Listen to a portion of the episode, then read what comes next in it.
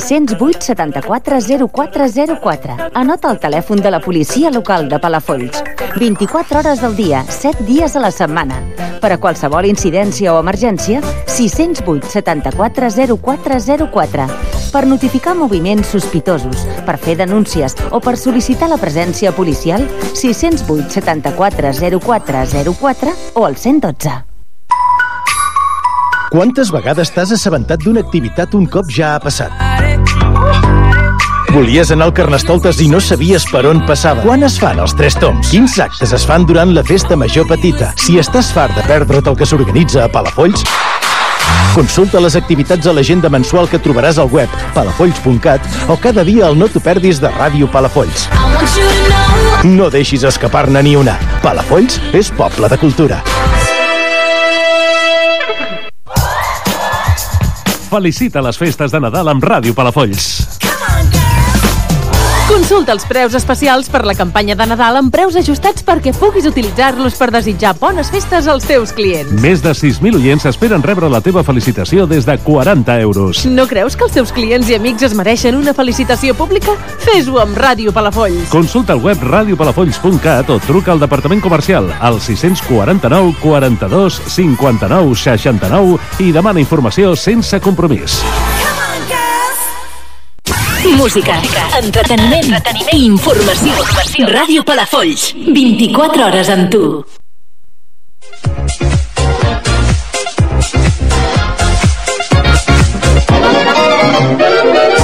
Minut a minut. El programa d'esports de Ràdio Palafolls.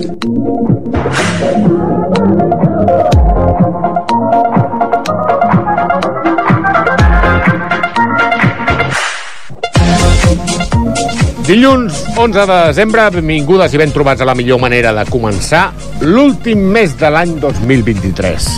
És temps d'esports i, com ja sabeu, ens podeu escoltar a través de la web a www.radiopalafons.cat cliqueu la pestanyeta del Escolta en directe i allà ens podeu trobar o si us estimeu més, enxufeu o endolleu o engegueu el vostre parell receptor, sintonitzeu el 107.7 de la FM i també ens podràs escoltar en directe. Després d'aquest superpont, que nosaltres també hem pogut gaudir, encarem la recta final d'aquest any amb aquest penúltim programa. Però quin penúltim programa, minuteros i minuteres.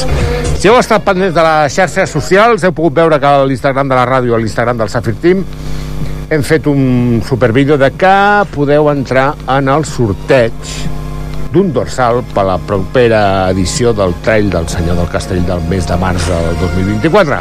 Què heu de fer, canalla? Truqueu a la ràdio, que ara el Piqueres em dirà el número perquè ja ni me'n... que és que se me'n va. Vinga, va. 9 3 7 6 1 761 47 47 0. 0. Veus com el sabies? Al final sí que te'l sabies. I allà deixeu les vostres dades, dades que és nom i cognom, un telèfon de contacte, perquè després de cara al final del programa tindrem a la Lu Vázquez que farem el sorteig en directe. És un sorteig que per acabar aquest, eh, per encara aquest mes de desembre, la veritat és que és com si els reis vinguessin abans. Ja he saludat, el, no l'he saludat, però saludem ara. Hola. Piqueres, què tal? Com anem? Bona nit. Uh, Ingrid, què tal? Hola, bona tarda. Molt bé. Uri, què tal? Bon vespre. Aquest amb el rotllo de que... Mare del senyor. En fi, és igual.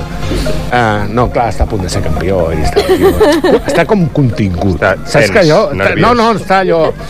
M'ho estic fent a sobre, però la setmana Encara no que ve, pot. que és l'últim programa, que llavors ja haurà guanyat i tot el rotllo, i Se suposa. faràs cava i coses o no?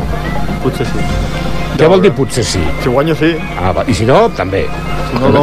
Lo important és participar i divertir-se, que deia aquell. Sí, clar. Doncs ja fetes les presentacions, eh, us parla l'Eloi Alarger, com sempre, com cada dilluns. També saludar el nostre amic Jordi Pratsavalls, que estarà fent... Eh, bé, remenant botonets i aquelles coses que fa i que tot aquest eh, programa humil d'esports de ràdio local arribi a perfectes condicions a casa vostra. Abans de continuar, deixeu-me eh, dedicar el programa d'avui i em poso una mica més sèrio a un exentrenador del Club Bàsquet Palafolls, en Roa, en Cristóbal Roa, ens ha deixat aquest cap de setmana i soci, allà on siguis, segueix disfrutant del bàsquet i explicant-lo d'aquella manera que ho saps. Bon viatge, coach. Uh, dit això, Ingrid, ens expliques què farem avui, en aquest penúltim programa d'aquest any? Doncs sí, avui comencem aquesta edició. Com que no hi ha hagut jornada de la Lliga, ens hem volgut rodejar d'unes grans esportistes, però abans farem una repassada dels millors gestes esportives que tenim a les dones com a protagonistes. Ja ho sabeu, el, dia, el tal dia com avui. Després tenim notícies i les farem de manera picadeta, en el curta i el peu. En la nostra secció de Què pedazo d'MPP xerrarem amb el José Camacho i tot seguit amb en Miguel Rueda, que ens explicarà la seva aventura per Tailàndia. I finalment comptarem amb la Lu Vázquez, que ens ajudarà a fer el super sorteig del dorsal per participar a la primera edició del Trial del Senyor del Castell. O sigui que tothom atent, que comencem.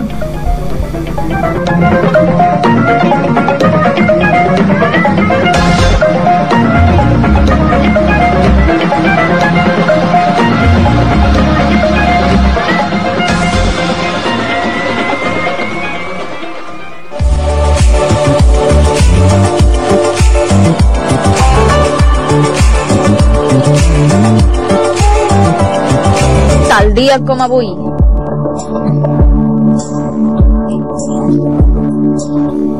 I què podem trobar-nos d'interessant un 11 de desembre, Ingrid? Doncs un, un 11 de desembre del 1998, parlant de natació, Lourdes Bacerra, pre representant el Club Natació Sabadell, aconsegueix a Sheffield la medalla de bronze en els 400 metres estils, amb un temps de 4 minuts, 39 segons i 56 centèsimes, en el Campionat d'Europa en piscina curta. A les sèries, Bacerra havia batut el rècord estatal amb 4 minuts, 39 segons i 16 centèsimes. La Vallesana és la primera catalana que puja al podi en el campionat d'aquestes característiques.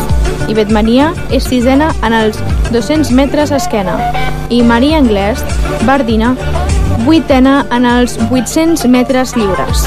Seguim el 2004 amb natació. Erika Villa Villájez, ja?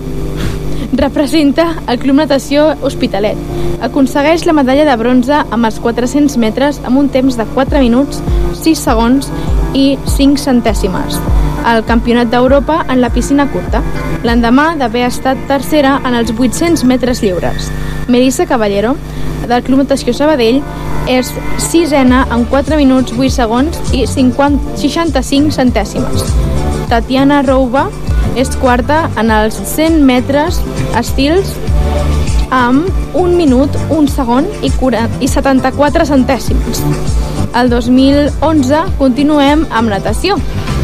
Mireia Belmonte va tancar la seva participació en els campionats d'Europa de piscina curta amb la medalla d'or dels 400 metres estils, la quarta que aconseguia en el campionat disputat a Zessin, Polònia. Abans d'haver guanyat els 400 metres lliures, els 200 metres papallona i els 200 metres estils. I acabem parlant-vos del 2021, amb surf de neu. Caral Castellet és tercera en la primera prova de la Copa del Món de Windhoek, que es disputa a Copper Mountain, Estats Units. Moltes gràcies, Ingrid. Anem a veure aquest... Eh, clar, ha sigut un cap de setmana estrany. Bueno, Sense competició. Sense competició. Bueno, competició. Segur que a futsal hi ha algú. Sempre. Segur. Eh, Uri, No parem. anem pel curta i el peu, allò que t'agrada tant i que M'encanta. només parlem de futbol sala. Som-hi. El que, sempre, el que sempre ho diuen. La gent de fora sempre ho diu. És que només parleu de futbol sala i de bàsquet. Déu. També parlo de futbol i de muntany i de moltes més coses. Ahí lo dejo. Ja veuràs tu demà, pel carrer.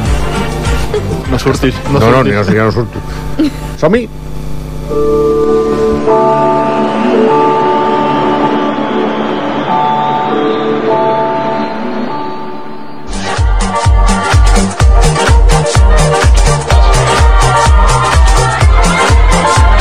Curta i al peu.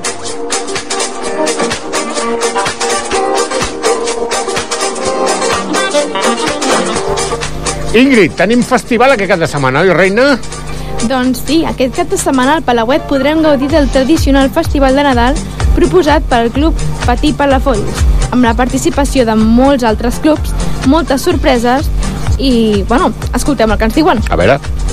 Aquest dissabte, al Palauet, a dos quarts de sis de la tarda, tindrà lloc el 41è Festival del Club Patí Palafolls. Aquest any el dediquem al Festival d'Eurovisió i llavors totes les coreografies estaran relacionades amb el mateix. Serà un recull d'algunes de, de les cançons més mítiques, tot i que ens ha costat escollir algunes de les cançons més mítiques d'aquest festival interpretades pels més de 40 nens i nenes i adults i adultes que formen el club, juntament amb la trentena de patinadors que tenim a les activitats extraescolars. I també ens visitaran els dos grups de show del Club Patinatge Artístic Pallejà el grup de show de l'APA al Maresme i el Club Patinatge Artístic Laietà que no podien faltar com cada edició del nostre festival. L'accés és lliure, l'entrada és gratuïta, sí que organitzem un, una rifa de diferents lots de productes de diversos comerços de Palafolls i de les Rodalies, als quals els agraïm doncs, la col·laboració. I res, esperem que tot surti rodó, que vagi molt bé, que ens ho passem molt bé. I a més a més aprofitarem per presentar el nou mallet de club que el que teníem estava jubilar i ara presentem la nova equipació que aniran tots els patinadors i patinadores super engalanats amb el mallet amb el que ens representaran a totes les competicions a partir d'ara. Merci, Ingrid. I Piqué, què ens pots explicar del Club Atletisme Palafolls? Doncs mira que aquest cap de setmana hi ha hagut control de marques de pista coberta a Sabadell. A la categoria sub-16 i també a la categoria sub-18 a 20, les joves del Club d'Atletisme Palafolls han competit per tal de millorar els seus registres i poder apropar-se als campionats de Catalunya sota sostre. Comencem amb la Lara Linyares, que ha realitzat una marca de 48 segons i 47 centèsimes a la distància dels 300 metres. Noa Freixas, a la mateixa prova, ha fet una marca de 40, 46 segons i 76 centèsimes i, a més a més, als 60 metres tanques ha aturat el crono en 10 segons i 61 centèsimes. Mireia Ramos, a la distància dels 1.000 metres, ha fet un registre de 3 minuts, 37 segons i 33 centèsimes. Estel Cai- Caimel, als 200 metres, ha fet un registre de 28 segons i 13 centèsimes, participant també a la prova dels 60 metres i fent una marca de 8 segons i 13 centèsimes.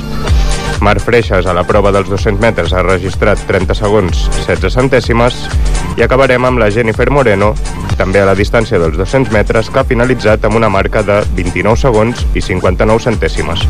Moltes felicitats a totes elles i enhorabona per tot aquest esforç que fan cada setmana. I, vamos, eh, talento puro i duro. Una cosa, eh, els que esteu trucant a la ràdio per eh, deixar les vostres dades i pel tema del dorsal, del sorteig del final, preneu-vos un calma, sí, està comunicant ja, perquè no, no sabien que nosaltres eh, començaria aquí a trucar a la gent com si no hi hagués demà i la veritat és que el pobre Jordi va de. Les línies col·lapsades. Si comuniquen, respireu, compteu fins a 10 i torneu a trucar. D'acord? Eh, recordeu que al final del programa vindrà l'U bàsquet del Safir Team i farem el sorteig en directe. Sigui que ja m'explicaràs. Ara ve l'U bo. Bueno, bueno o no- bé, no tan digués- bo. no, com t'explicaria jo? Ve, diguéssim, el- l'esport rei de minut a minut. Ara sí, ara sí. Vale? Eh, Uri? No, si és el bàsquet. Què dius, home? Bàsquet, per favor. Home, si tenim aquí sis equips i guanyem tot i tu no. Què? Si tenim futsal, no? Sí. Ah, bueno, de totes maneres, el futsal aquest de, aquests caps de setmana així que no hi ha competició és un futsal Ara, ara ho explicaré. xulo d'explicar. Sí, Explica-m'ho, xiquitín. Doncs, com dius, tot i que no hem tingut competicions domèstiques aquest cap de setmana, degut al Superpont, el futsal no ha parat per alguns jugadors i entrenadors del futsal Sant Lluís. El passat divendres i dissabte s'han disputat els ja tradicionals campionats comarcals que organitza la Federació Catalana de Futbol en aquestes dates. Ha sigut l'edició número 12 i una vegada més, com totes les anteriors, s'han disputat al costat de casa. Pregunta, Uri. A, a, la gent que vol el dorsal, a quin telèfon han de trucar? Ui, ui, ui. 9 3 No la feina d'en Piqué? 9 3 7 6 1 47 0 9 3 7 6 1 47 0 perquè els que s'acabeu d'incorporar al programa i que no sabeu de què va sortegem un dorsal del trail del senyor del Castell de la propera edició del mes de març i jo trucaria. Bueno, Vaja. de fet, aquesta ja diu el Jordi Boer. Calma't, perquè Sí, això sembla que... acabem de dir que no- Se, se, no, se, se nos ha ido de les manos, que diu aquell, i tot Sí. això. Pots continuar, xiquitín. Doncs, com deia, uns campionats que s'han disputat a, a la ciutat esportiva de Blanes. I és un campionat semblant al que pot ser una Eurocopa o un Mundial, on els jugadors preseleccionats hauran de passar per tres entrenaments i un partit amistós abans de ser seleccionats en la llista definitiva per disputar el torneig. Com ho maneix això, eh, tio? T'has fixat? Ara traiem, traiem la frase aquella famosa, la mania. Ja ho veuràs. En fi, foli, foli. Doncs s'ha de tenir en compte que hi ha una norma que indica que cada categoria, com a màxim, poden anar tres jugadors d'un mateix club. Les categories que participen són Benjamí, Alaví, Infantil i Cadet. Les quatre categories són tant en masculí com en femení. I pel que fa al Sant Lluís, representava la selecció de Girona i a les categories masculines va aconseguir ple de seleccionats, 12 jugadors de 12 possibles. Els benjamins seleccionats van ser Víctor Mateos, Marc Chamizo i Enzo Martín. Que buenos són? Normal, amb l'entrenador que tenen. No, oi, per què dic jo? I que li has posat en bandeja. És que, És que-. És veritat, ja no me'n recordava. Jo pensava que era l'altre entrenador que té més tirada mediàtica, diguéssim. Els alevins seleccionats van ser la Jun Roncero, en Nil Chamizo i el gran Marçal Lanza. I el gran, eh? Home, és que és molt gran. Home, el xaval és molt gran. És el teu, el... el teu preferit, eh? Sí, la veritat és que sí. Jo, o sigui, vaig flipar de l'edat que té i l'entrevista que li vaig fer. Sembla que estigués parlant amb un tio de... més madur que tu. Minut a minut, l'humor de la 8 a 9 de cada dia de dilluns a divendres. Foli. A la selecció infantil van ser seleccionats Lizan Calvo, en Víctor Castro i Lique Ruiz, i a la cadet, en Jan Chat, en Javier Contreras i en Joel Nieto. Malauradament, cap d'aquests quatre combinats van poder superar la fase de grups. D'altra banda, dues jugadores del Sant Lluís també van ser seleccionades. Parlem de la Mireia Guirado, que va participar a la categoria Benjamí Fanny, amb la que no va poder superar la fase de grups, i la Maria Ribas, que es va proclamar sotscampiona a la categoria cadet. Ole. M'alegro per la, per la Maria. Molt bé, molt bé. D'aquesta manera, el Sant Lluís és el club que més jugadors va portar de tota la delegació de Girona. Felicitats per la bona feina feta. Torna ara per eh, encetar aquesta ronda d'entrevistes, perquè, clar, mm, contingut hem d'oferir a la nostra audiència, que no és poca. Eh, tinc moltes ganes d'escoltar el José Camacho avui. Home, a veure què ens expliques. Vam quedar amb ganes. Hombre, per suposat. Avui va venir la meitat del Llozas i ara ve una altra vegada. Però més que el Llozas, més José Camacho, que és més, té més impacte, sense em mereixi... No, no, per favor. Anem pel que eh, pedazo d'MVP? Som-hi. Vinga, som-hi.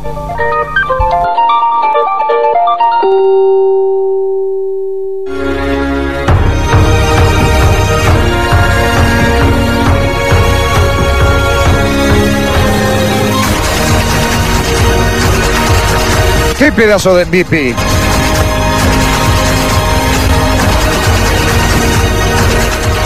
Doncs si fa un parell de setmanes eh, el vam poder excusar en el programa perquè uns constipats d'aquests que venen quan no toquen no va poder assistir i no va poder fer presència en aquí l'estudi número 1 de la ràdio. Avui el tinc sentat davant meu José Camacho Guaraní. Com estàs? Bona nit, Eloi. Què tal tot? Tot bé. Uh, hem de parlar de moltes coses. El que passa no sé per on començar. Potser uh, comencem per lo més recent, que Mm. és la Marató de València.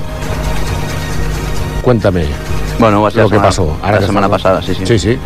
Vam anar uns quants, eh, vam anar gent de fundistes, gent dels guiozes Sí. i també gent que compartia, bueno, que comparteixo lloc de feina, així que vam ser una expedició xula i ho vam passar bé, va ser un cap de setmana. Però rotllo particular o rotllo llebre?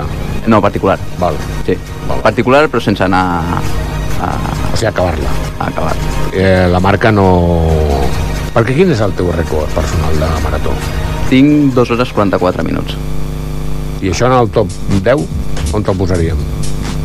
O sigui, en el top 10 depèn on et fiquis, no? Eh, Si ho fiques, ho vaig fer a Berlín, on Sí. participen 50.000 persones. Que va ser abans que València? Va ser al setembre. Al setembre? Era l'objectiu de la temporada, diguem. Sí. sí, tu t'havies treballat tota la Tot història, per tot el arribar al setembre. Per arribar al setembre... Perquè dintre dels tops de les maratons, què tindríem? Berlín, Nova York, Boston, eh, València, No. Barcelona... O Sí, com, hi ha- com, com ho tens tu estructurat? Bueno, això ja és més de caràcter personal, eh? però existeix una lliga a nivell mundial que es diuen les Six Majors, Sí? que són les sis maratons més importants del món, diguem, que són aquestes que comentes, no? Eh, No- Nova York, Boston, Chicago, Londres, Berlín i Tòquio.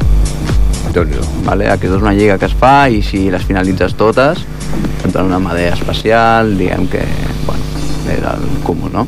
però després hi ha moltes que poden ser molt bones però no, com, no compleixen tots els requisits, requisits sí. per entrar dintre d'aquesta lliga com pot ser de moment València mm, no sé ben bé quins són tots els requisits Bàsicament però... perquè fa un parell de setmanes va venir el José i ens va parlar meravelles de València. Totalment, sí, sí. O sigui, és, Més que Barcelona, vull dir que imagina. Eh, sí, sí, sí, depèn del que entrem a valorar, però sí, sí. Sí. Hi ha curses per anar a gaudir i hi ha curses per anar a córrer ràpid. Val. Eh, Barcelona ho gaudim molt, és, una ciutat, és la nostra ciutat, Sí, o sigui, sí, clar. és la que ens toca de prop, i, i a, a nivell monumental, pel meu gust, és millor que València, no? Però València és una marató molt més ràpida és això. O, per exemple, Madrid mai podria ser una marató ràpida. Ja. Però el que fan és... És una marató d'asfalt amb força desnivell positiu, no pot ser ràpida, però sí que passa tot el circuit per molta part cèntrica, llavors és més turística que no pas una marató ràpida.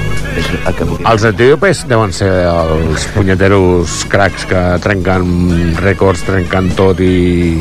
Perquè l'altre dia vaig estar llegint que l'evolució de la sabatilla ha fet un, un gir tan espectacular que inclús amb la mateixa petjada que tu pots realitzar adelantes no sé quants centímetres de... de... Sí. Sí, la realitat és que Sí, són... si tu, per exemple, una zancada fas un metro, mm. amb aquestes sabatilles fots un metro 5 centímetres, per dir-te cosa. Sí. Clar, si això ho acumules, arriba un punt que el tio va volant. Totalment, totalment. O sigui, a, afavoreix això, la reactivitat i també a nivell de fatiga muscular el tema d'amortiguació també ho han, ho han aconseguit que el, cos no pateixi tant dintre dels 42 quilòmetres. déu nhi Quin és el teu quilòmetre crític, diguéssim? Dintre de marató? Sí.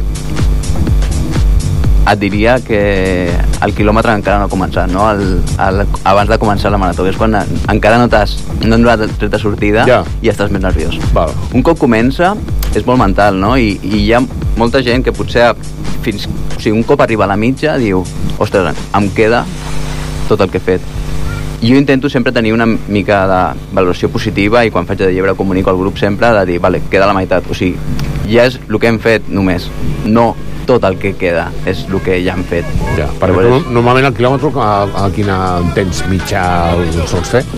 Eh, bueno, depèn. Eh, però el més ràpid que tinc en marató és a 3.54. 3.54. O sigui que pots fer un quilòmetre amb la marató aquesta de tranquil·la, gaudir del paisatge, 4 minuts, tranquil·lament, el quilòmetre. Sí, tot el que sigui baixar de 3 hores... Perfecte. Fer-ho bé, sí. I què passa amb Formentera? Que Bueno. que m'he enterat. Sí, sí, ho tenim a team. Eh, bueno, en això, les experiències que estem fent de fer de llebre, ja vam anar tots amb les guiozes a, a fer de llebre de la Marató de, de Sevilla. Ara hi tornem. Però ja entenem, per l'audiència que no sàpiga el que és fer de llebre, Sí. és que tu marques un temps concret al quilòmetre. Correcte. Que és el que et diu l'organització. Tu has de fer el quilòmetre a tant. Sí, normalment tu el que inte- intentes és agafar-te un ritme que sigui còmode per lo que tu estàs acostumat, no? Si tens una millor marca, el que estàvem parlant, si tinc 2 hores 44, doncs a 3 hores, pots anar còmode i pots assegurar al grup que arribi al temps desitjat. No, no pots agafar un ritme que sigui o més ràpid que el que tu tens o, o que puguis patir una mica. Ja. Perquè la funció no és només portar el grup, que és el que sembla, no? Eh, arribar i portar el grup fins al final, però és assistir al grup, donar consells, el que parlava, no? Eh, Ja. Tranquil·litzar el grup, eh, agafar aigua, donar assistència, portar gels, per la gent que ho necessiti, és tot una mica. O sigui, tu estàs, diguéssim, dedicat únicament i exclusivament al tio que ha de fotre la marca mundial d'aquella marató. Al 100%. O sigui, en vez de tenir el, el que dèiem abans, el, la volta ciclista, el cotxe escova, el cotxe escova ets tu. Tu portes gels, tu portes coses, tu portes tal, tot i total, tot això. Li dius també el temps que va i si ha d'apartament o d'apartament? Sí, cada 5 quilòmetres eh, intentem dir si... O sigui, nosaltres tenim apuntat quan és el pas, no? Cada Val. quilòmetre que hem de fer, no cada quilòmetre, perquè pot ser molt subjectiu. A dia d'avui els GPS funcionen, però no són 100% exactes. Ja. Vull dir, potser va de metres i llavors són dos segons més ràpid o més lent. Però la catifa de 5 quilòmetres és la que es té marcada i aquí diem, anem 20 segons més ràpid, 20 segons més lent i així. I ara, és que ara estic despistat, perquè clar, jo fa molt de temps que estic allà a Menorca i ho tinc més controlat, però Formentera dona per 42 quilòmetres? No, és mitja. Mitja, val. Sí. Sí, clar, a 42 quilòmetres pots acabar a Eivissa, tranquil·lament, no? Sí, sí, tranquil·lament. Sí, sí. Vale. Uh, llavors, uh, ja ho teniu lligat, esteu en ello, uh, falten de flecos, serrells, que diu aquell, i tot això, i, però bueno, en principi eh, és una cosa que vosaltres us veu oferir, en principi us van dir que no, i ara us han trucat. Vol dir que, ojo, amb millor destí. Sí, sí. Vull dir que amb això... Una fe, és una feina ben, patrocinats... és una feina ben feta i Ben fet. s'està bus- o sigui, està començant a valorar-se més que abans. Però clar, per part d'aquí, per part vostra o per part d'ells? No, Perquè jo crec que és més per part vostra, que no pas per, per Nosaltres des del principi valorem, perquè al final per nosaltres és una experiència i jo com dic, o sigui, eh, per mi és millor fer de llebre que no pas fer una millor marca personal. Ja. Perquè vas acompanyat de gent i després quan la satisfacció d'arribar i que la gent t'esperi i et doni les gràcies és molt més, més gratificant que no arribes sol a meta, arribes amb una marca superbona però no t'arrases a ningú, no? Vull dir, és, la satisfacció aquesta és diferent. I, i ara estan començant a, a oferir-nos una mica més, no? A, Val. si intentem, doncs, si ja has de viatjar, vale, no et paguen el viatge, però si hi ha un sponsor que, que és una cadena hotelera, doncs que et posin un hotel, no? Val. Home, lo comido, Coses amb- amb lo comido por lo servido, no? Diguéssim. Sí, sí, sí. Perfecte. Uh, com anem amb el... En quin capítol estem del tutorial Cómo hacer un maratoniano por José Luis Pérez Espinosa? Semana 2. Setmana 2? Sí. Què portes? Quin tipus de càrregues estem fent ara? No, de moment estem com, com, eh, començant. La setmana passada va ser de test sí? per, a, per anivellar els ritmes que ha de començar a fer ara i és a punt de partida. Eh, la marató es pot preparar en el temps que tu vulguis. Nosaltres amb en José Luis vam fer 14 setmanes, que Sí. que queda per la marató de Barcelona. Exacte. I, I a partir de la setmana vinent ja començarem a fer 3 setmanes del primer cicle de, de càrrega. Perfecte. O sigui, 14 setmanes, portem dues setmanes, queden 12. A partir de la de sí. La història és que entre uns Nadals pel mig, sí. a nivell. És que jo sé que al José li agrada el tiro. O sigui, té un tiro i un saque molt xulo, el José. Sí. Però clar, tot això... A tots ens agrada. I Sí. per això ara... Però clar, després hi ha aquelles típiques crema torrons i tot això i tal i qual. I, i les Sant Silvestres, no? Ah, I, exacte. sí, sí. Eh, per mi el més important, i sobretot qui els escolti i digui ok, l'any vinent vull començar a córrer o a fer esport o a caminar o el que sigui, que no esperi el dia 1. Que Ja. comenci ara, perquè si no el dia 1 passarà dos quilos o tres o quatre més Ja, que avui. i serà més I complicat. serà més complicat. I al final també, o sigui, ve de gust, no? Sortir a córrer un dia abans de fer un bon àpat i després dius, ara m'ho he guanyat, no?, fer aquest àpat Val. i és gratificant. O sigui que nosaltres ben bé correm per menjar i no pas per fer bones No, no, marques. no, Atiença guiozas. Ens va quedar molt clar amb el tema de per què li va posar Guioza Stream. Quins són els pròxims objectius d'aquesta de l'any que ve? Quins, que a part del que tens de Barcelona també la faràs tu, entenc? Sí, sí, sí. Encara estem pendents de decidir si anem de llebre o, o a córrer ràpid. Val. Però bueno, la que és segura és Sevilla, sí? que sí que anirem de llebre. Que aquest és un clàssic, que ja ho teniu sempre apuntat en vermell al calendari. Sí, ens tracten força bé allà, ens donen material tècnic i... Perfecte. Està bé. Eh, I després està pel mig, a veure si poden... Bueno, està per veure, perquè està Castelló, està pel mig, està Vies Verdes, hi ha força, forces maratons a la primavera. Has fet alguna a Boston, Chicago, Nova York? No. Això en podíem parlar. Podríem parlar. Sí, bueno, ho, a veure, entén-me, jo m'espero el dia 22 sí. de desembre a, a partir de les dues del migdia, a veure que, que si tinc més caix o menys caix, i un dia ens ho podem plantejar. És l'objectiu per 2025, Boston. Boston, 25. Ja estic classificat amb la marca que vaig... Perquè, clar, això ja funciona Ah, amb marques. amigo, sí, sí. vale. Eh, funciona amb marques o amb, sorte amb sorteig? Amb sorteig vaig entrar a Berlín. Sí? Però són maratons a la que ja s'apunten 40-60.000 persones. Uf. I has d'anar o per classificació per grup d'edat, per sorteig o pagant eh, charity, que fas una donació i, Mhm. i llavors ja t'entra tot, no? Perfecte. José, eh, és que se'ns fa curt el tema amb tu, perquè parles molt bé, eh, t'expliques molt bé i ja en el, el nostre imaginari ja estem corrents al costat d'ell. I això que jo corre, veuràs tu.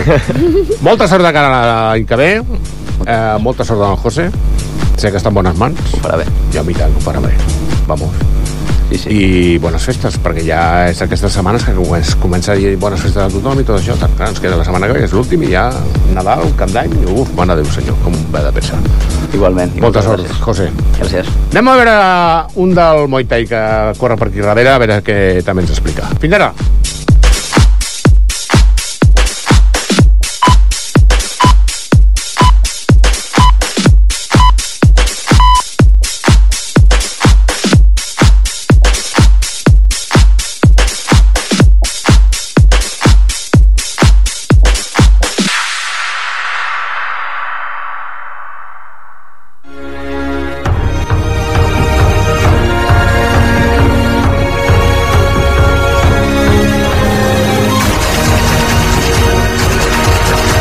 Pedazo de MVP!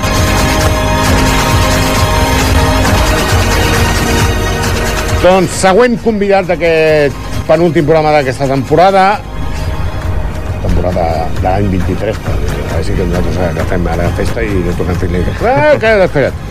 Uh, tenia moltes ganes de tenir-lo sentat aquí a l'estudi número 1 de la ràdio perquè l'he estat seguint uh, per xarxes, uh, ens hem comunicat a través de WhatsApp, eh, Miguel, mucha suerte. Ja, tot això ens ho explicarà ell perfectament. Tinc el gust i el plaer de poder presentar i donar-li la benvinguda al país al Miguel Ángel, a Miguel Rueda, perdó. Miguel, ¿qué tal? Muy buenas tardes. Muy bien. Bueno, ¿qué más se puede pedir? Tienes cara de tailandés. Sí, un poco. Tanto arroz. Tanto arroz y mal... ¿Qué tal? O sea, uh, entiendo que, que esto es una experiencia única para uno que está dedicado al Muay Thai como tú, que lo vives y la pasión que tienes y la manera que lo explicas y lo que cuelgas en redes. Esto tiene que ser como si el Piqueras, con sus años mozos, que jugaba baloncesto, se fuera a hacer un campus en la NBA. Básicamente, ¿no? Pues sí, sí, más o menos. ¿Y esto ya lo tenías ya en mente? Bueno, era algo que ya no estaba planeado, la verdad. No, ¿De, siempre... que- de quedarte tanto tiempo o de irse para allá? No, de irme sí y de, de estar allí tiempo también, porque bueno, ya estado otras veces, cada año voy yendo y me, me- me van haciendo ofertas para quedarme, pero como entrenador, dando clases, de Ah, otra manera. Eh, y bueno, siempre lo he estado valorando y de hacer como media temporada allí, media aquí, llevándome gente. Eso sí que más o menos estaba en el plan. Lo que no estaba en el plan, no estaba previsto la vuelta a la competición eh, este año, porque es que ha sido después de 10 años parado, muchas lesiones y complicaciones de salud y demás. Y no solo este año volver a, a la competición eh, por aquí, bueno, hice una en Francia, Sí. otra aquí en Magrat. Y, y ahora mucho menos pensar ya de irme para allá y, y a dónde nos metimos, ¿no? Porque Dentro del top gimnasios donde estuviste, porque me parece que cómo se llama el gimnasio. El Simbi. El Simbi, eso. Dentro de los top gimnasios de, de Phuket, que es la, digamos, el pueblo que esto, bueno, Sí, ciudad, ¿no? es, es una isla, de Una la, isla. es la isla más grande de, de Tailandia. Pero está conectada por una carretera, o sea, está O sea que no tiene, a nivel comunicativo está, está bien, Sí, pero o digamos que el top 5 de gimnasios, el Simbi, lo podíamos poner... Uno, uno de ellos es. Hay unos cuatro o cinco que, que resaltan de Sí. tanta cantidad de gimnasios que hay y uno de los que de los que más nivel tiene. Me encanta porque es el único gimnasio que he visto que no tiene paredes. Al aire libre. Es una pasada. Sí, bueno, allí se estila mucho Sí, claro. eh, eso. Están y rodeados de selva y algunos que están en medio de la naturaleza y, y la verdad que mola mucho. ¿Y cómo contactas con ellos? Bueno, yo, no soy- yo ya lo seguía por, por redes Vale. y demás y ya sabía de ellos porque es un gimnasio que tiene nombre, que hay en Tailandia, Perfecto. bueno, van sacando, tienen peleadores muy top a nivel mundial, entonces conocido y, y bueno, decidí irme para allá. Perfecto, porque vamos a ver, mm, tú vas, digamos, para un mes o para dos semanas. Sí, para llevar gente. Y Para llevar gente, porque también estaba el Raúl, y estuviste que ahí, también que también pues, peleó y todo el rollo, y claro, tú de ahí te quedas, digo, este no vuelve, y ya se queda allí para siempre, y la verdad es que hay tanta diferencia de entrenamiento a nivel estatal, a nivel tai- Tailandia. La pregunta es un poco así, pero Cambia, un poco el sistema. pero- la metodología, ¿no? Sí, porque, pero también normal, es, aquí no le, no le podemos dedicar tantas horas y tanto tiempo como se le dedica allí. Entonces allí es, cambia un poquito el sistema. Y luego también porque allí está más enfocado sobre todo a los competidores de allí y es como un trabajo ellos. Claro, aquí no deja de ser un hobby. Aunque hay gente muy buena también y hay profesionales, eh, no deja de que aquí no nos podemos ganar la vida con esto y entonces tienen su trabajo aparte, sus ocho horas o diez, sus desplazamientos, aquí no nos pilla nada cerca, todo el trabajo, el gimnasio tal. Y entonces no podemos dedicarle las horas. Entonces se cambia un poco el sistema de entreno. Ya, porque ellos sí que el que solo mm, combate, combate solo. Sí, que allí son profesionales, se dedican solo a eso, es su trabajo. ¿Y bien Eh, a nivel económico? Sí, le puede dar para vivir bien. y- ¿Allí y- o aquí también? Bueno, sí, allí hay niveles que aquí también. Vale. Sí, sí, que se ganan muy bien la vida. Como aquí fuera un jugador de primera división. Perfecto. Aparte que a nivel mediático, a nivel de teles, a nivel de todo, Es es, es, eh, o sea, pones un canal, Muay Thai, cambias de canal Muay Thai, cambias de canal Muay Thai, o sea que... Periódicos, todo, todo. Está el tazón de Muay Thai, supongo. Sí, seguro. Seguro. Vale, y entonces eh, tú empiezas a entrenar y supongo que te vieron que había talentillo ahí, porque si no, no te plantean decir, bueno, pues tal día vas a competir. Bueno, ellos, ellos ya, ya lo ven y lo estudian. Es algo bastante normal, ¿eh?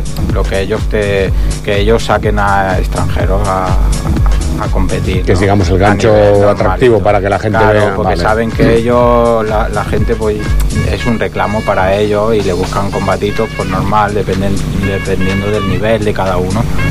Y bueno, yo empecé a entrenar allí porque nos tienen como aparte, ¿no? Los extranjeros Sí. en un lado y ellos, sus pros y sus competidores están a, a otro nivel entrenando en otra zona, claro. Y bueno, sobre la marcha fuimos, me fueron viendo. Pero está bien visto que tengáis así como interactuación entre los top y vosotros o cada uno. Normalmente es que es por seguridad de ellos, porque claro, un extranjero que no sabe cómo trabaja Ah. Ya. y tal, ellos le pueden hacer daño. A ellos. Y ellos una lesión Y, eh, no y le fastidias el combate que Claro. tiene el viernes por la noche, que se puede ganar X dinero. Claro, ya no solamente por diferencia de nivel, sino por, por seguridad de ellos, para no hacerse daño. También hay mucho extranjero que, que va pues A lo loco. Sí, va y se piensa que aquello es el, el combate, un título mundial, el entrenamiento, entonces van muy fuerte y por seguridad de ellos no, nos no se mezclan. Pero cuando ya llevan tiempo allí y ya ven quién controla, quién no y la experiencia y demás, pues entonces ellos les va bien, entonces ellos van cogiendo la gente que Vale. les interesa, con los que pueden trabajar bien. Vale. En tu caso, pues sí. Sí, bueno, yo estuve unas semanitas ahí con una semana realmente porque luego pillamos una infección en los ojos y demás. Ah, sí, ya, es verdad. Y, y a la que volví eh, ya, eh, ya empecé, a- empecé a entrenar con ellos. Perfecto. Cogieron aparte y estuve con Y ese es tu entrenador, digamos, eh, que te plantea, digo, bueno, pues tal día vas a combatir. Sí, ahí tienen un montón Con un tal de- Lewis, ¿no? Me parece que era. Sí, Un inglés. Sí, sí. Eh, hay bastantes entrenadores y normalmente a, a cada uno que, que está a tiempo y que va a prepararse para una pelea y demás, le asignan como su entrenador particular. Como el sensei de Sí, como karate, ¿no? Digamos. lleva, exacto. Vale. Entonces yo iba rotando bastante, Sí. Eh, me gustaban varios cómo lo hacían, entonces iba rotando bastante, pero tenía el mío que más o menos estaba siempre conmigo. Y bueno, ya lo teníamos hablado de que íbamos a buscar alguna cosita así. Y llega el día de combate i ni corto ni perezoso, patapam, va fotre una tunda al pobre anglès. Oh! Bueno, me van llevé sortir per, per xarxes, per l'Instagram sobretot, molt de vídeos. O sea, el último toque fue brutal. Fue brutal, o sea, ese cuando ya lo tienes doblegado. Lo que pasa también te digo una cosa, yo creo que el, el inglés iba un poco sobradito. Bueno, es que llevaba Por el lenguaje corporal suyo y buena tal. racha allí. Ya, amigo. Venía, lleva dos años fichado por un, por un gimnasio, un campamento de allí. Ah, mira. Eh, vivía allí, llevaba, tenía el título, era el actual campeón de ese título. Sí. Eh, y de otros estadios, de, de tres estadios más eh, de la zona. También había ganado el cinturón. Y la verdad, pues que el chaval estaba bien rodado, confiado, se notaba que estaba bien físicamente, un chaval más joven también, físicamente fuertísimo. Yo sabía que iba a ser un, un combate muy al choque, que tenía que usar más la estrategia y la inteligencia y no entrar quizá en tanto choque, tanta, tanta batalla. Y te llevó tu entrenador en ese momento. Sí. Vale. Y claro, tailandés no. Habrás aprendido, aprendido cuatro palabras, pero claro, tener No una conversación de aquello de. No da tiempo. No da tiempo, ¿no? A, ver si.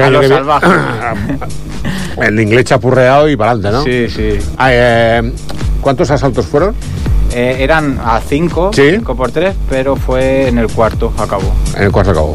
Sí, por suerte. Porque, Sí, no, porque si hubiera llegado que- quinto- la verdad que es que tengo. Me he dado cuenta que tengo dos asaltos buenos. A partir del tercero hago una bajada importante. Tengo una decaída. Y yo en este combate me lo había estructurado de manera de ir muy de, de poco a poco, de menos a más. Ya. Y claro, pues son cinco asaltos, aquí se suelen hacer a tres, o, o los títulos sí que se hacen a cinco. Pero si no se hace muy largo y un combate de mucho ritmo, a cinco asaltos yo sabía que se me podría hacer muy cuesta arriba. Y la idea, la estrategia era empezar de menos a, más y acabar fuerte. Pero no pudo ser, porque el chaval empezó con todo. Sí, ¿no? Yo no me lo esperaba así, fue chocar, eh, sonar la campana del primer asalto y, y a lloverme las hostias que por todos lados. Entonces tuvimos que meter más intensidad. Claro. Entonces, ¿qué, ¿cómo te lo planteas? Diga, diga. No, no, te iba a preguntar si crees que a nivel de puntos y si de haber llegado a la decisión, ¿crees que te habría ganado él? No, no. O sea, eh, ibas igualmente eh, por delante, sí, ¿no? iba puntuando más, sí. Eh, a puntuación, sí, me, me lo, me lo iba llevando. Y aparte ya, la- antes del, del caos, eh, hubo una cuenta también, un asalto. Vale. Esa cuenta mm, hace decantarse más la balanza. O sea, el- al extenderse mucho también te daba a ti la oportunidad de entrarle más quizás, ¿no? Sí, sí, eh, él entraba y yo lo que lo, lo que hacía es, bueno, yo lo que había estudiado, la estrategia al principio era a low kick, a tirarle patadas a las piernas, porque lo vi en algunos combates que iba un poquito perfilado y, y claro, él me, me tiraba, se metía en mi distancia, entonces por ahí lo fui, lo fui frenando y me fue bien primer y segundo asalto. Pero al final del segundo asalto, en la esquina le dijeron, eh, por aquí no vamos bien. Y yo iba muy confiado en mi esquina me seguían diciendo, sigue por ahí. Porque estaba bien saliendo, bueno, estaba saliendo bien el trabajo. Sí. Pero entre que en el tercero ya salí cansado y cargaba más los golpes y se me veían, él me cambió la distancia, me cambió la guardia para esconder esa pierna, porque Vale. era la pierna adelantada y me la cambió para tenerla más atrasada. Vale. Me empezó a frenar más con las frontales, con los tips. Sí. Empezó a frenar bastante y dejé de llegarle tanto a la pierna. Estaba muy tocado, casi que pensaba que lo podía acabar por ahí, pero lo corrigió bien y tuve que cambiar de, de estrategia. Aunque en mi esquina me seguían diciendo que por ahí, que siguiera por ahí, pero yo ya vi que por ahí no, no había más. Digo, mira, si lo veo muy claro, le tiro, pero ya cambié y empecé a bucearle más. Perfecto. Eh, ¿Ganaste? Sí. Tenemos el cinturón en casa, ¿no? en casa de Tailandia. En casa de Tailandia, vale. A ver si un Eh, día no cabía estos- en la maleta. No me imagino, ya me imagino. Eh, ¿Qué tenemos pre- previsto para el año que viene ya? ¿Para el 24? ¿Otro? Bueno, pues- No, tres meses no, medio año y... Eh, la idea. La idea, La idea es, principal. eh, creo que tengo reservado el Palauet. ¿Perdón? Para, para- tengo que hablarlo todavía. Háblalo, ¿eh? Pero te- creo que tengo reservado el Palauet. Me gustaría para febrero, marzo. Marzo. Y la idea es que para abril a volver con otro grupito a, a Tailandia, llevarnos otro grupo de peleadores y quedarme media temporada allí ahora, hacer unos seis meses, porque fiché por un campo, allí hablé, me vinieron a- para fichar por un campo, me ponen allí vivienda y demás y para quedarme. Y la idea es hacer media temporada allí y media aquí. Vale. Pues nada, mucha suerte para la temporada que viene. Muy bien. Esperemos que todo lo que te- se te pase por la cabeza se te cumpla. Esperemos. Y si el mes de marzo lo vas a liar parda, mm, aquí estaremos para explicarlo. Muy bien, esperemos que sí, que se cumpla ya por fin. Perfecto, pues gracias por venir. Nada, y bienvenido otra vez. Anem a escoltar la Lu, Vázquez. Home, com Avui la tenim en directe, vull dir, no, no es farà la crònica aquesta, No, pam pum. Exacte. Vinga, som-hi.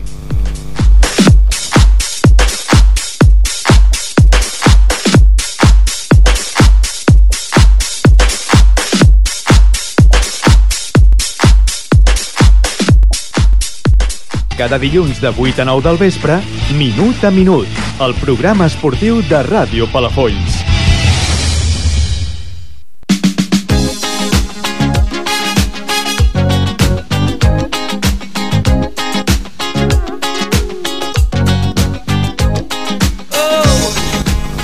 Doncs temps ara... Celebration de Colant de Gent, Celebration sorteig, mm, una mica pillat el tema. Bueno, anirem veient, no?, sobre la marxa una mica. Has de fer aquí comentari incisiu que sempre pots aparir perquè com que el Buri li hem tret el micro Ah, oh, és veritat, avui no te pot... doncs cada dilluns es fa una crònica eh, que sempre ens, eh, ens quedem al·lucinats de lo ràpid que parla. Sí. Digo, si corre igual que parla, eh, Sí, aquest, no l'enganxes ni... arri- Vamos, que no l'enganxes ni per atrás. Tenim sentada a l'estudi número 1 de la ràdio, la Lu Vázquez. Bona, bon vespre ja, ja és bon vespre. Bon vespre, bon vespre, encantada Com estàs? Encantada, encantada d'estar aquí al fi amb vosaltres en directe per un cop. Molt fans teu, eh, de les teves cròniques. Molt, però molt. Però Moltes és que no t'ho arribes ni a imaginar.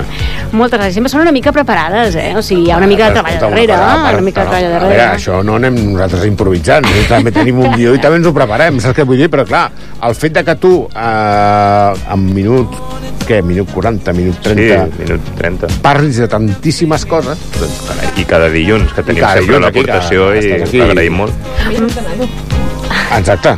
M'agrada, m'agrada. Explicar-me m'agrada. I pel comentari que he fet abans de si corre tan ràpid com parla, crec que definitivament parlo més ràpid o corro, eh? Soc més aficionada a córrer, a córrer que a parlar. Trail del senyor del Castell. 3, no, març, eh, 3 de març. 3 de març. 3 de març, Sí, ja, ho, senyor, 3 de ja ho deia març. bé. 3 de Uh, com anem d'inscripcions? De moment anem molt bé, estem prou contents comparant amb edicions anteriors, anem prou bé, les primeres inscripcions que eren a preu reduït van, van volar realment. Sí? Ara sempre fins abans de Nadal la cosa va més o menys, va tirant, però estem contents perquè porta un, un prou bon ritme. Val. I normalment en aquest tipus de curses el darrer mes és sempre el mes que explota una miqueta, no? perquè ara hi ha moltes curses arreu, però estem contents, la veritat és que anem, anem força bé. Anem a fer una repassada del que he fet el cap de setmana perquè haureu fet alguna coseta. O també heu agafat pont, vosaltres. Ara, ara estem bastant de pont, a Safir. Esteu bastant de estem pont. bastant de pont, a Safir, Esteu sí. in, Perquè invertint la vostra energia en preparar la trail, no? en preparar la Suposo? trail i perquè més han tingut així unes quantes setmanes on tothom ha participat en moltes curses, maratons, curses importants i de cara al Nadal sempre hi ha una miqueta de parada, no? La gent ha fet eh, moltes coses, continuem fent les nostres sortides setmanals, eh, no només les corrents de Safir, sinó que dintre del mateix Safir tenim, tenim un WhatsApp on la gent fa sortidetes que són menys de caire de, de, de club, però com a cursa com a tal no, no hem fet gran cosa aquest cap de setmana, descans, descans. Bueno, ja va bé. Hi ha molt de crema torrons? Hi ha força crema torrons, però crec que durant un temps va haver-hi més la, la dèria de la crema torrons que ara mateix. Crec que ara el trail, eh, tant trail com marxa, n'hi han moltes i la crema torrons potser no és tan, tan, tan en boga com, com havien estat fa potser, no sé, 3, 4, 5 anys, probablement prepandèmia, després de la pandèmia tot ha costat una miqueta recuperar. Eh, I ara mateix no hi ha molta crema torrons. Nosaltres, de fet, no, no sabem si n'organitzarem o no encara. Val. En principi el que eh, tindrem de cara al 24 així, a, clar, el mes de març és el tercer mes de l'any Mhm. és la trail, suposo Correcte. que abans fareu alguna espècie de participació a nivell amb fondistes o a nivell amb qui sigui Correcte. per fer qualsevol activitat Sí, sí, sí. sí. Uh, I ara per- parlàvem amb el Camacho al principi del programa, no sé si has Sí, pogut sí, saludar sí, sí, el canvi de, sí. de convidat. Uh, ell està amb Berlins i coses d'aquestes i uf, ja, ja va a un altre nivell aquest tio, eh? Sí, sí, la gent de maratons va a un altre nivell, és una altra, és una altra història, però si nosaltres... Però també participa, em sembla, per la trail, crec. Eh, sí, normalment sempre ha participat Veus? en, en, en José amb la nostra, amb la nostra i eh, per suposat l'esperem, eh? L'esperem, per suposat, per suposat, eh? eh? Però sí, evidentment organitzarem alguna previ a la, a la realització de la trail, sempre organitzem una, una sortida social, que en diem, on ensenyem el recorregut, on convidem a que vingui tothom, acabar de convèncer aquells que no estiguin acabats de convèncer de fer la trail. Vull dir que, i això, tot això ho clavem de planejar amb força temps, perquè no ho sembla, però la trail ens està portant força feina i la volem organitzar prou bé. Un cop passin les festes, començarem a fer totes les promos i de més perquè la gent s'acabi d'apuntar, tant a trail com a marxa.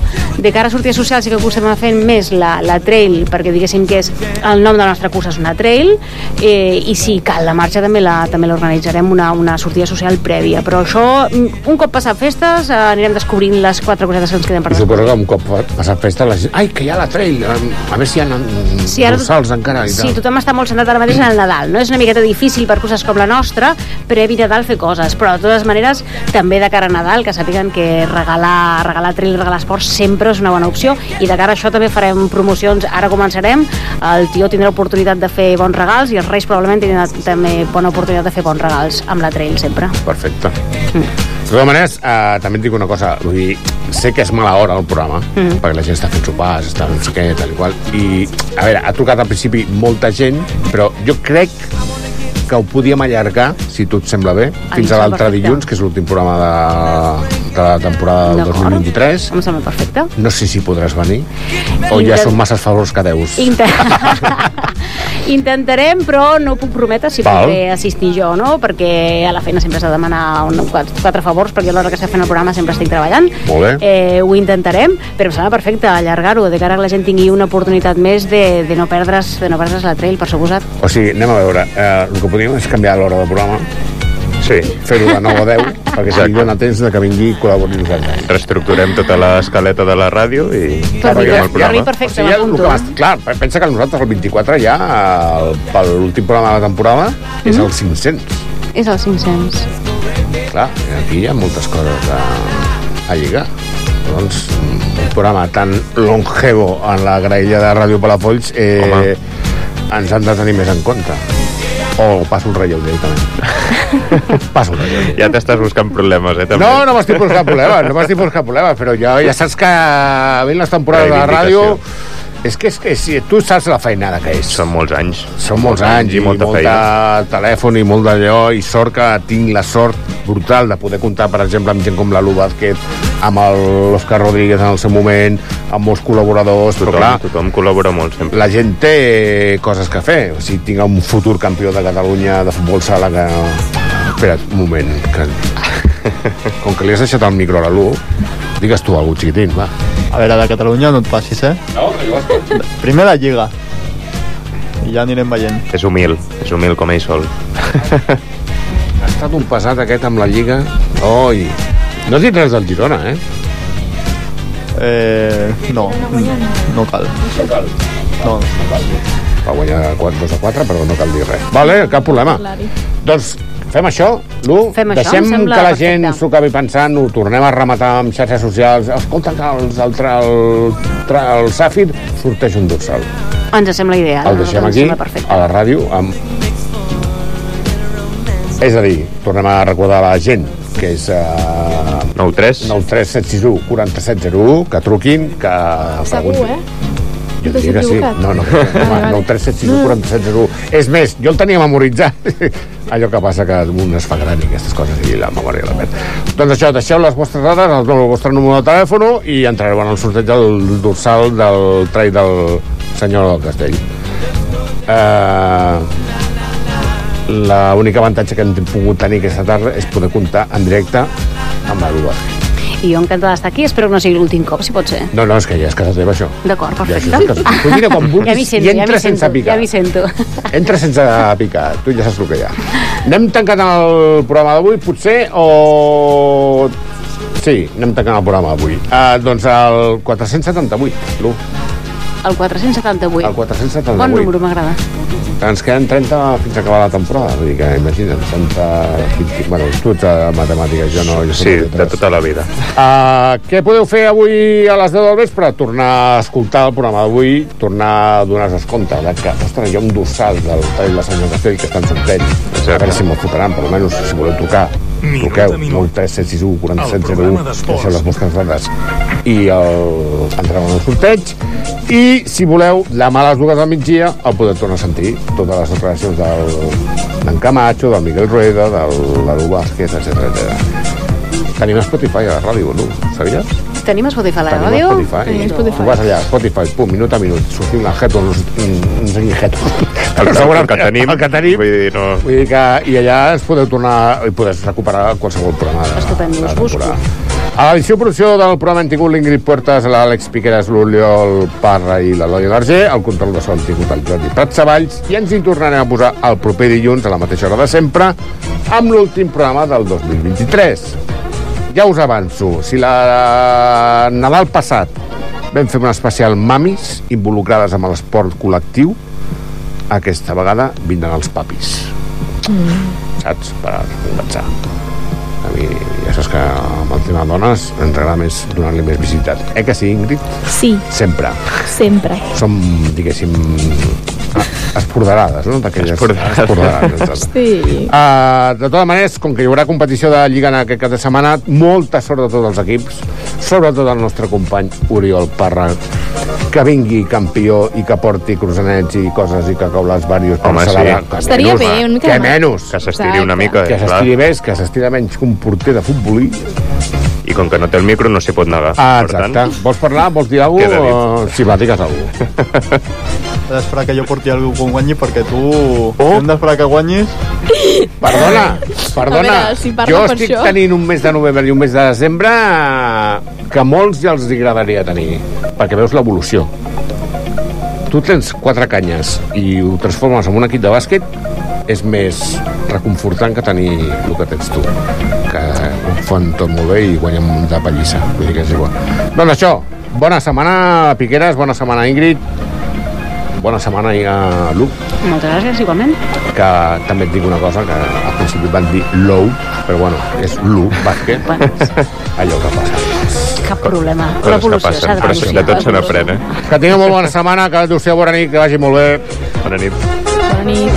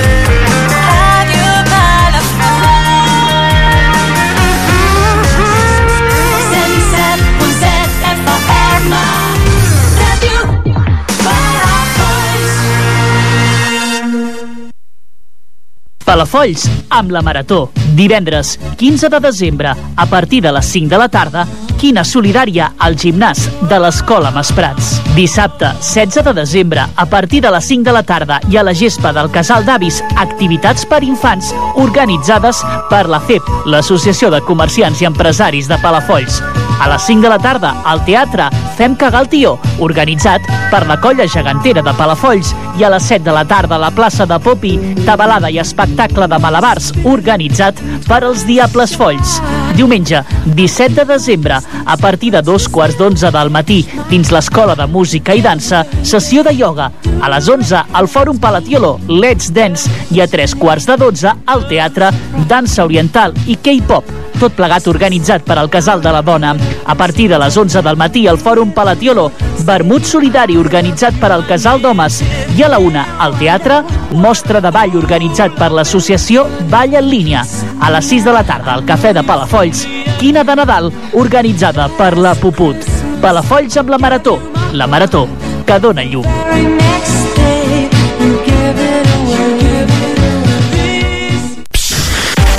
Si t'agrada el que escoltes, recorda que això és Ràdio Palafolls. Si algú et pregunta, no ho dubtis. Tinga-ho clar. Escoltes Ràdio Palafolls, al 107.7 FM. Ràdio Palafolls, serveis informatius.